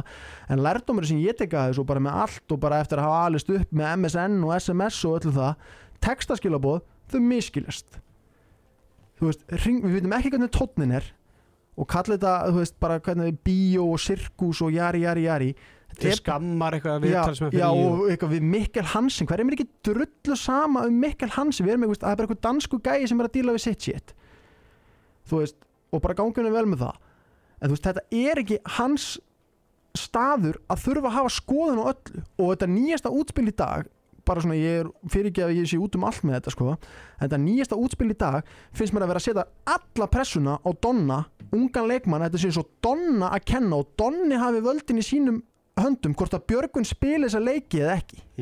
Veist, Á- Áður en förum við alveg þangað já, ok. þá hérna þá vil ég líka eins koma bara að því að, að framfyrir að, að ég er búin að vita af þessu máli frá því að Ísland leik gegn tjekkum ytra 8. mars. Þá fæ ég sendt uh, frá hlustenda hvort að ég persónlega ætla að vera eitthvað svona oftengdu val og þakka niður mál Bjögga og Donna. Og, og þarna, þú veist, innan að þóttist ekki vita hvað er að tala að því að höfum það á, á hreinu að ég er í, í settinu í svo valu pákleik hjá Stöttusport og ég verð var við það þegar að Bjöggi og Donni hittast eftir leik á, vellinum og það verður ykkur orðaskipti þar á milli. Þannig að eftir leik hérna fer ég upp í VIP og spyr Bjögga bara Bjöggi hvað var, hérna, hvað var að gerast þarna eh, eftir leik og, Bjöggi bara já bara hann var ósáttur eitthvað veist, ég sendi á hann í gær veist, og, en það var, samt, það var samt, svona alveg greinilegt að Bjöggi held að vera hjálpa honum eða skilum mig, mm Mhm. ég var að senda honum ég var bara að senda honum skilabúð í gær eitthvað svona veist, hva, bara basically ekki orð, orð rétt það sem hann var að segja en bara þú veist hvað, okkur hann var að spila leikinn og, og, og eitthvað svona og ég bara ok, veist, hann er ekki lengra og, hann- og þá meiri sag- sagði hann að hann hefði verið í samskiptu við Donna síðustu vikur sem að er alveg rétt að Mhm. hann spyr hann út í þjálfaran og, og bara, þú veist, hann geti hjálpað hann og allt þetta og hefði hjálpað hann þegar hann hérna við, eða veist, opnaði sem er andlega veikindi í fjölni og, ég bara, já, ekkert mál og þannig ég vissi alveg um hvað var að tala þannig því ég fæði sér skil um 8. mars en vissi samt ekkert hversu alvarleg eða hvers, hvers, hvers, um hvað máli snýrist þannig að ég sendi á Robert Geir Gíslason og, og hérna, ég held að þetta sé svona enn, enn sönnun um það að ég er að reyna að gera mitt eh, starf hérna í handkastunni eins og vel fyrir hlustendur hætti er að ég bara blammir ekki einhverju upp í lofti þannig ég sendi Robert Geir bara meðan leikstendur hvort að það sé rétt og að það sé eitthvað málinn að borða hrás í um Bjögga og Donna. Og hérna af því að í þessu Facebook skilabáð sem ég fekk var bara basically að að Bjöggi hafi sendt mjög svo ósæmandi skilabáð Donna fjölskyldumæðlimi og þetta var að borðið HSI og ég sendi Robert Geir, fæ ekkert svar heyri svo í Roberti Geir á föstu deginu tveimtuðu setna út af öðru máli og, og, og minni síðan á þetta tölupóst og þá segir Robert já, herðu afsaki, ég átti eftir að svara þér en, en já, ég hafa búin að heyra að þessu en þetta er ekki á mínu borði. Og hérna, þetta er þá uh, þetta er þá uh, fyrstu daginn 10. mars og síðan kemur sér leikur á móti tjekkum setni leikur þar sem að Björgur Páll kemur með svaðanlegan Facebook status sem ég tók inn á mig, eða skilur mig, Mhm. þetta var bara beint að handkastinu, þetta var Mhm. ég meina handkasti fjallaði manna uh, fjölmiðla mest um HM þarna voru klefin leki uh, Valsmafían sem var bara grín. sem var bara grín, já, Já, en einhvern veginn búin að snúa því. að senda eða þú veist, ættingar og vinir að senda fjölmiðlumönnum, það er basically það sem ég er búin að segja frá því Mhm. að HM var að við vorum að fá skilabor frá vinum og ættingum og allt þetta. Þannig að og þetta er að leikta hann á sunnudeginum og, og ég sendi bara á Bjögga bara, Bjöggi er ekki allt í lagi skilum mig, þú veist, hvað er í gangi? Meina, þetta er Facebook staður sem þú ert að tala um hérna Mhm. uh, og ég segi við Bjögga, Bjöggi, þú veist, ég veit að það er eitthvað mál innan, bo- hérna, veggja en að, en að borði frá síðvarandi Bjögga og, nei, þig og Donna. Og Bjöggi segir bara nei skilum, það er ekki þannig og, og hérna, þannig luku bara okkar okkar samskiptum. Síðan kemur náttúrulega þetta viðtal við Donna á vísi í vikunni. Og, og enn og aftur til að sína það að ég er að reyna að vinna mína heimavinnu og ég ætla bara að óbyrra það að hérna, Bjöggi og, Donni er á leiðinni er það að eh, ég heyri eh, heyri Sindarsöriðsynni blaðamanni vís í dag og spyr hvort það vilji vera í handkastinu í dag í, og bara spyrja svona um viðtali og hvernig hann svona tólkart allt saman. Og hann var bara upptekinn hann í ammali og ég bara óska honum hérna góður skemmtunum þar. En hann segir mig það sem er svona, kemur mér óvart er að þetta viðtal sem að Sindri tekur við Donna átti ekkert að snúast um þetta málefni Mhm. Sindri ringir í Donna og er bara að fara að spurja hann um það uh, að hann sem byrjar að spila aftur komin nýr þjálfari og bara hvernig síðustu vikur hafa gengið í hérna, uh, endur kominu eða svona recovery eða hvað sem maður, hvað sem maður segir og, og, og enn og aftur þá bara opna Donni sig aftur basically sama og gerði við Stefán Átna mm Mhm. skilum við, þannig er annað annað blaðmar vísar þess að ringir á stötu tíma er að, er að byggja um eitthvað allt annað en fær bara því líka bomb upp í hendunar skilum við, þú veist, ef, ég væri blaðan vísar myndir ringi Donna hver, hver einstu viku sko. hann er, er gjössalega að bjóða bara öllum heim til sín og, og bara virðingavert uh, þannig að og ég held, og, og það er margir sem halda það að, að því að þessi saga þú veist, það er mánuð síðan ég vissi af þessu. Þannig að það er margir sem heldur að vísir hafi verið að ringi Donna til að fá þetta upp á yfirborðið. En það var alls ekki þannig.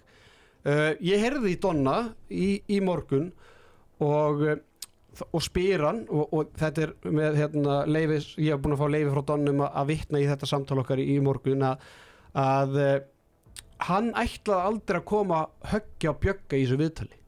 Þú veist þetta er eitthvað klukkutíma viðtal milli Sindra og Donna sem að Donni fer bara að opna sig og talar um hversu erfiður tími þetta var. Hann er pottitt spurður aðeins um þetta hennar valsleik, eitthvað svona hvernig er, þú ert byrjað að spila aftur að gekk kannski erfiðleika í hérna, valu pá- pákleiknum og, og Donni, hann bara er hreinskilinn, opinskár og segir bara alla söguna. Hann bara segir frá því þegar að, bara frá því að hann viðtalið Stefán Átna var bara að hann fer á fundi hérna, ræði við sjúkrafþjálfan, ræði við lækni gengur er, æfingum léleg samskipt við þjálfaran kemur heim, ætlar að reyna að spila leikin er samt ekki búin að ákveða uh, segir mér þess að frá því statusnum að, að ég hafi blammeraði á Twitter að hann væri fara að spila og allt þetta. Í kjölfæri kemur þetta SMS frá Bjögga og hann segir aldrei nafnið á leikmanni vals af því að hann ætlaði ekkert að koma Bjögga eitthvað vonda stöðu. Mhm. skilum við, hann að hann kannski er í viðtali við Sindra í klukkutíma og þetta var bara ein setning af þúsund.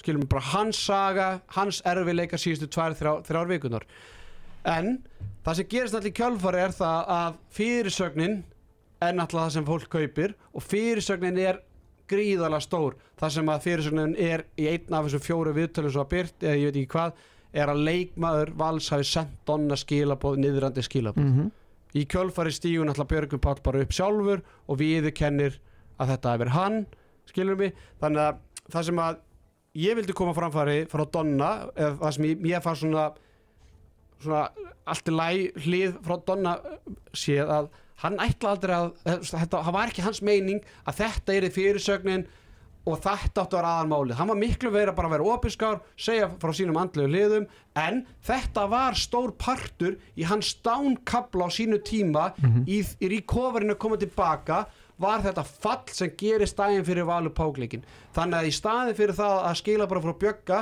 sem áttu að vera hjálpleg sem ég get ekki lesið Það er ekki hægt að lesa. Það er ekki hægt að lesa það skilum, en þau áttu vera hjálpleg.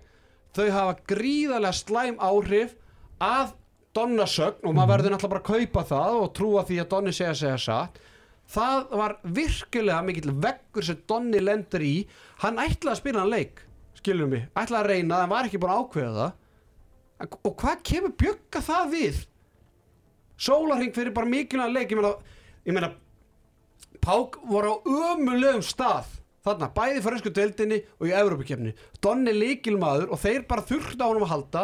Hann, ok, ég er alveg samanlega Donni átti aldrei að spila hann leik. Og ég sagði það alveg svo Tetti sagðan, Donni átti aldrei að spila hann leik. Ef hann var að glíma á svona gríðarlega erfi veik, andlega veikindi. En hann gerir það. En hvað í anskotanum skipti það Björgvin Páli máli? Óskar Bjarnar, Snorra, Stíven Arnúri Benna, Tjörfa, Okka ekki neymit Nei, nei, og eins og hann kemur síðan sjálfur inn og hann hafi vaðið í fosseta pák eftir leik og eitthvað, þú veist, þetta er svona eins og að sé eitthvað síðapóstuli sem að, þú veist, þetta bara kemur honum ekkit við. Og kannski bara ágætt að taka fram að hann að pappa Snorrasteins lætu mig heyra það, þetta hefur ekkert með val að gera sko, Björgvin er þarna bara bara sinn eigin persóna, hann er, hann er, hann er leikmaður vals en Valur getur ekki verið að passa upp hvað hann er að gera heima þessar kvöldin, þannig að mér finnst þetta ekki, þú veist, Valur ákveð að dragast inn í þessu umröðu, hann er bara leikmaður vals. Og, og bara, þú veist hann þarf ekki veist, ég efast ekki um að hann hafi verið búin að vera til staða fyrir hann og hjálpa honum en getur ég ímyndaði síðan þegar þú færð frá einna leiðtöðinum í landsliði? Björgvin er hvað, hann á 15-16 ára á Donna í aldri og reynslu og bara virðingum en einna strákunum okkar sem fekk silruð ólimpileikum en þú sér það bara á Facebook statusunum þeir raðin lækum. Þjóðin er á baku Björgvi í þessu máli sko. Já, Já, svona, mér finnst það allavega. Og menna, veist, þetta er ekki hans fyrsta róti á þú veist, Don er bara óreyndur og bara ef að segja hann sé bara svona hlýr og bara einlægur, skilur eins og þú segir í þessu viðtali. Menna, hann, veist, auðvitað eftir að higgja á, hann held- heldur ekki að segja þetta. Þetta er svona spínu klefin skilur þú veist, þurfum að bara halda veist, það- það, það, það hefði verið hægt að leysa þetta allt allt öðruvísi. Já. og veist, minn lærdomur úr þessu sem ég get tekið út úr þessu bara pick up the phone, ringdu það því að það er að koma miklu betri skilabóðum á framfæri þannig það er að heyra tónin í mönnum og spjalla saman og, allavega ekki byrja skilabóð sem eiga að vera hjálpleg þannig ég get ekki setið á mér allt þetta bíó hjá þeir síðustu daga stænst eitthvað skoðun. Byrjaðu að segja bara sælir, herðu áttu lausa fimm mínútur. E- eða bara sittu á þér. Já, auðvitað. En ef þú ert svona rosalega vilt vera að hjálpa öllum í kringu því ekki, sko ég veit ekki mikið og skilur mig. Þú veist ekki halda að ég sé eitthvað prófessor í þessu sko, en ég veit það þó allavega. Ef þú ætlar að hjálpa einhverjum í, í neyð eða viniðinum eða ættingja eða hvað ekki byrja skilabóðin stimmi, ég get ekki setið á mér. Þetta sí- síðustu dagar djöfisins helvitis bíó veist, þetta bara meikar ekki sens og bara þú ert ekki með kullun, þetta getur ekki verið kullun af því að þú ert bara Já, veist- því að ég þekki ykkur sérfræðingur sem segja annað veist, og hvað Mhm. En aðtilsvægt Já. þá að byrtast viðtal við Björgur Pál hérna eftir haukaleikin þar sem að hann er aðeins spurður út í þetta og hann viðkjanna það að, að nóttin var erfið og, og hérna viðkjanna það átt erfitt fyr, persónlega fyrir hann að- fyrir hann að spila hann að leiki kvöld eftir samskipta hans og Kristjáns Arnar sem hafa verið fjölmjölum undan ára daga þetta var mjög erfitt og þetta var auðvitað ekki venjulega undirbúning fyrir leik, ég svaf lítið og þetta hefur verið ógæslega erfitt, en ég náða að skilja þetta eftir þegar inn á völlum var komið því þetta eru tveir ólíkil hlutir. Ég hugsaði um það í gerkvöldi hvort ég ætti að spila þennan leik en síðan vaknaði ég aðeins léttar og kátar í morgun. Ég vildi auðvitað ekki verið burtu frá liðinu. Menn eru að klíma ímislegt utan vallar og ég held að þetta, ekki, ég held að þetta verið er Björgun spurður hvort að hann sjáu eftir samskiptu sínu við Kristján Örd og þar segir hann nei. Ég sé ekki eftir því sem ég gerði í fortíðinni og eina sem ég get gert er að laga, laga það í framtíðinni og ég óska honum góðs í sínu Kristján er strákur sem ég þykir væntum og ég vona við getum fengið okkur kaffebolla þegar nær dregur.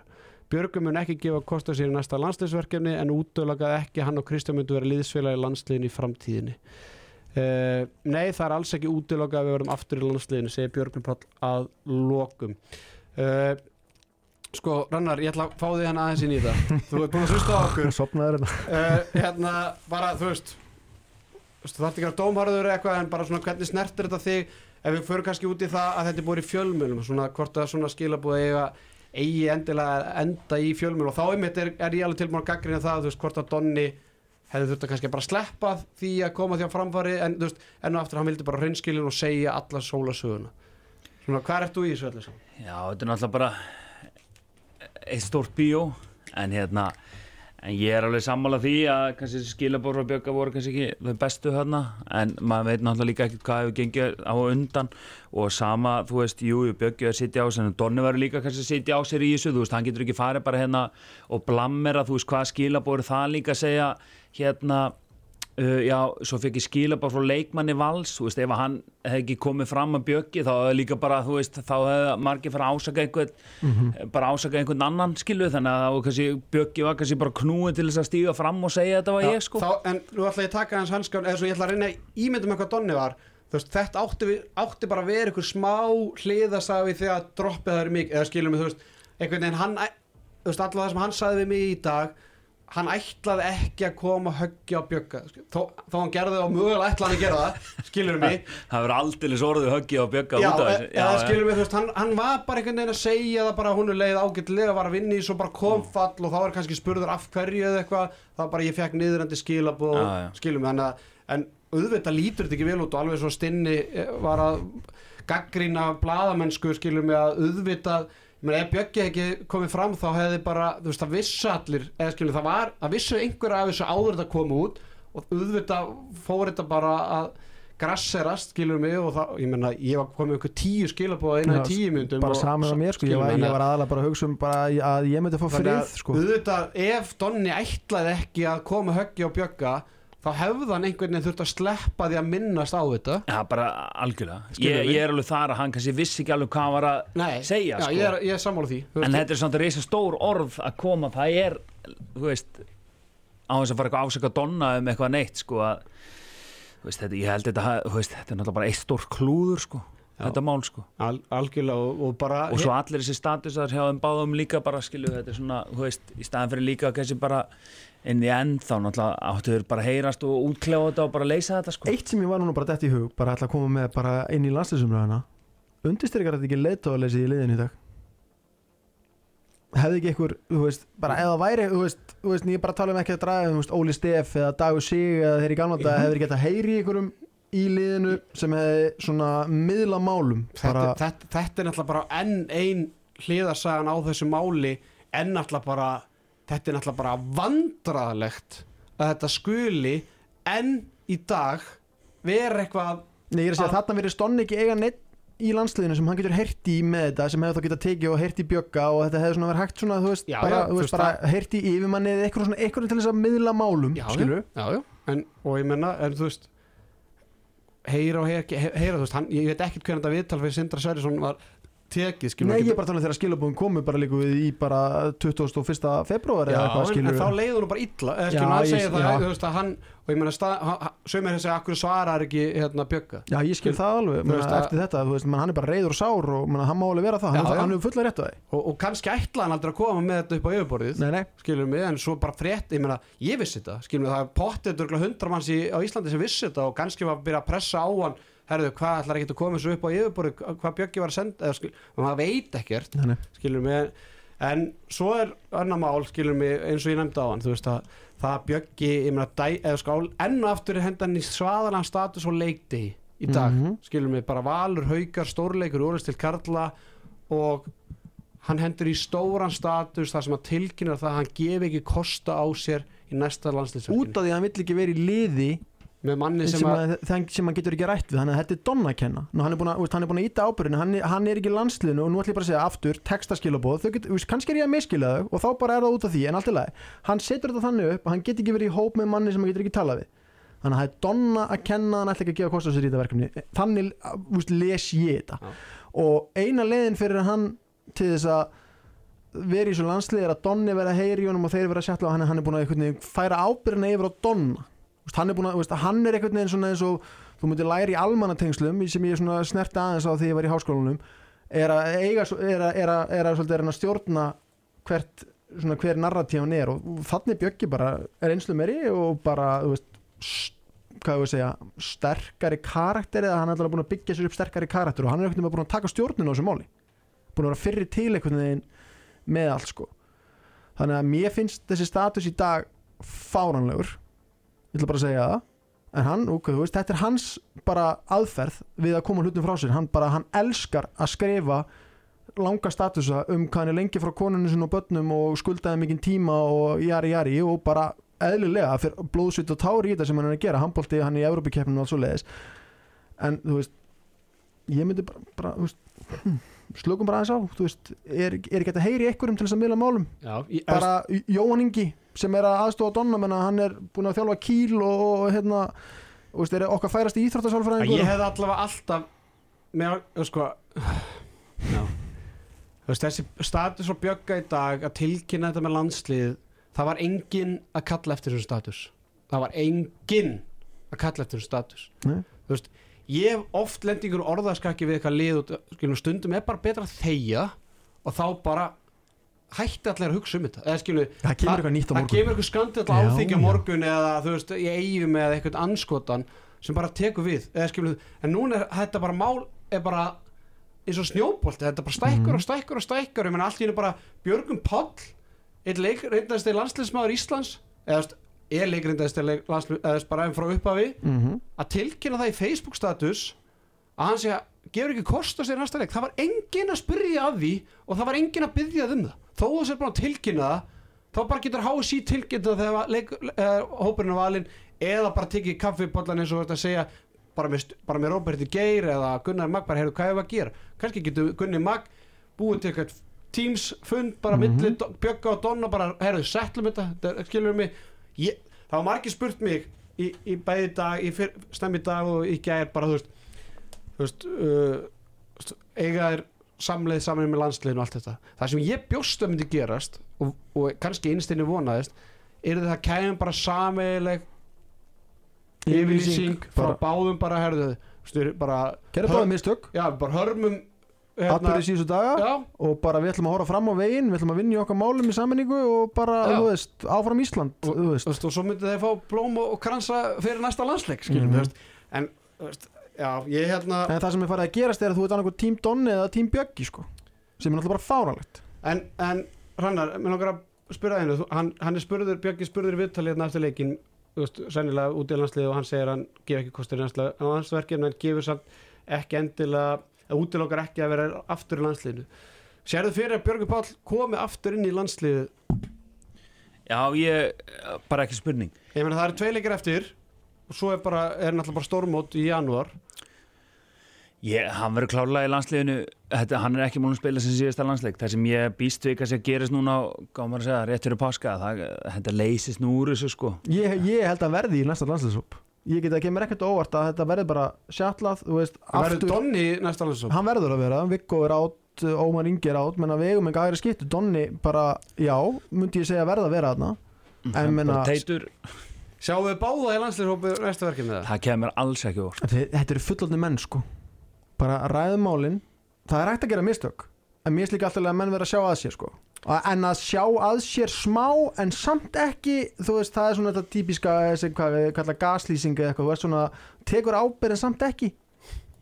Voða mikið í tísku svona þegar þú ert búin að gera mistök eitthvað uh, í hana eitthvað svona kynferðis, eitthvað svona dæmi já, þú veist, ég gerði rangt en samt þú veist, ekki, þú veist, ef það kemur eitthvað enn og eftir afsökunarbenni þá er þetta ekki lengur afsökunarbenni þannig að, þú veist bara, þú veist ef við ekki bara setja boltan aftur yfir KSI og bara, veist, bara ljúka þessu skilur eða eitthvað annað, þú veist, það, það er alltaf eitthvað í gangi. Nú erum við búin að eiga sviði núna í einhverja 48 tíma. Uh, Donni lærir að þessu það er ekkert að, að treysta blaðamönnum. Nei, hérna, en þú veist, hann er bara veist, líkar hennar opins í sínum andlugu veikindum og hvernig hann er að vinna úr þeim og, og annars líkt og það er, ég get alltaf sagt um það eftir að hafa verið sjálfur að vinna í þessu að það er kvart til þess að ræði þetta en það, það, er kannski, kannski ekki að setja allt í statusa. Já, já, bold, bold and beautiful. Já, herðu. Ef við ekki bara að fara að setja punkt yfir þetta maður, þetta er alveg, minna, hann er að koma að inn um að byggja Já, við bjóðum Björka velkomin. Eh, og það verður svona sér þáttur sem að þarf að borga fyrir. Þar sem að ég sérfræðingur sest niður með Björka og Donni verður á línunni. Þar sem að við krifum þetta mál en ég held að við séum já, komnir á endastöðum með þessa umræðu mikið. Sko, ég var að ég, mitt, ég var sett inn á tjattið okkar í, í hérna í gær, það er alltaf búið að vera svaðaleg hýta mál í handbóltar á þessu tíumbili skilur það, hva, hvaða lista var ég með? Ég var með hérna uh, tryggva garðasmálið sem var bara vinsalast að frétt og vísi bara þann mánuðin þegar, þegar ég og Teddy komum með þá bombu og náttúrulega bara bombu sem átti fyllir rétt á sig að, tryggva garða var ekki múin að spila mínútu með valsleginu veginn hvað í miðan november uh, Aron Pálmarsson er svo tilgjendur í FH bara í desember. Skilum við, ólisteldan er nýkon í Ólafríð og kemur bara þvílik bomba. Uh, Svo náttúrulega klappa á mjöðmjökúluna hérna hjá Sigga Braga skilum í aðdraðanda byggarúslitunum og svo mætast Valur og IBF í byggarúslitunum í kjölfarið þú veist það bara þetta gat ekki skrifast betur. Uh, Gummi Gumm náttúrulega þú veist og Háum náttúrulega ég verði ekki að það að Háum handkasti setti bara litaði umræðinu um íslenska landslið og setti þetta bara á, á annan stað og það heldur betur sko, kveikt í Gummi Gumm og, og, og ég meina Teddy, hann vildi gumma gum burt og hafði, hérna, hann fekk það. fekk það eins og svo margt annað og gummi gumma að sko öskra á Stefán Átna eftir brassaleikin og gjössala hrauna yfir sérfræðingin hverja anskotans þessi arnataði væri, væri og ég veit ekki hvað og en hvað. veistu hvað, öll þessi mál nema aðtöki í Vestmanna með að samíðalegt tengist angastinu þú startaði þessu öllu, ég, þú með þess að startaði þessu donna og bjöggamáli, við viljum bara komast að því núna í, Nú, með að setja þetta á Twitter að hann var að fara að spila og þá en stendur er Bjöggi alltaf að gera líka. Ég ætla, Svo ætla ég að henda á hann, kærumál, hauk og gróttu Þú veist, Erlingur neitt að koma í viðtölu setni bylginni, Ponsa reyna að reka ennið þjálfan í Jonna Magg og það, þetta er, ég held að hann þetta er líf og fjör. Já, lífi hérna Mm. ágætis lífi. Um, Ég held að þátturinn verði ekki lengri ég, ég ætla að rétt að fá stökkvinn í lokin. Já, ég ætla að, hérna, við vorum bennir að koma því á framfæri hérna, kvennalandsleikur næsta lögadag á ásvöllum, Ísland-Ungarland í umspil fyrir sæti á HM eða ekki, ég held að sé það. Hann er klukkan fjögur næsta lögadag og það er frítt inn í bóðið Æslandir já, ertu að byrja að vinna í Æslandir eða? Nei, ég bara, bara ég, ég er að halda sambandunum góðunir og hérna skrifstofu Þetta er undakefni fyrir HM 2003 hérna, Ísland, Ungarland fyrir leikur á lögadaginn, ásöllum og svo Mm. setni leikur í 12. Já, april og við vitum að það er að koma ykkur hópur á ungarum á ásætli þannig að um að gera fjölmenn menn að það er frítt inn í bóða Æslandi þannig að það er engin ástæð fyrir að hérna, páskarnir, ekkert að gera Já, er þetta bara já, páska helgina já, Sýtt, það getur verið er- erfitt að fá góða mætingu þar maður. Ekkert mál að fylla ásætlina Nei, hvetjum alla, til að fara á svellina uh, Er búið að finna nýjan spons í, í Garðabænum eða? það er langt komið, ekkert sem hættir að se- segja að það er svo stöðu Er það Íslandir eða? uh, ég get ekki gefið neitt um það. Nei. En uh, já, ég held að getur, verið að þessi rýni endur skoðuna fyrir þetta Já, nei, nei, ég segi svona. Segjum svona. Herðu, þakku kærlega fyrir okkur hann að takk fyrir komuna. Endum Takk fyrir þetta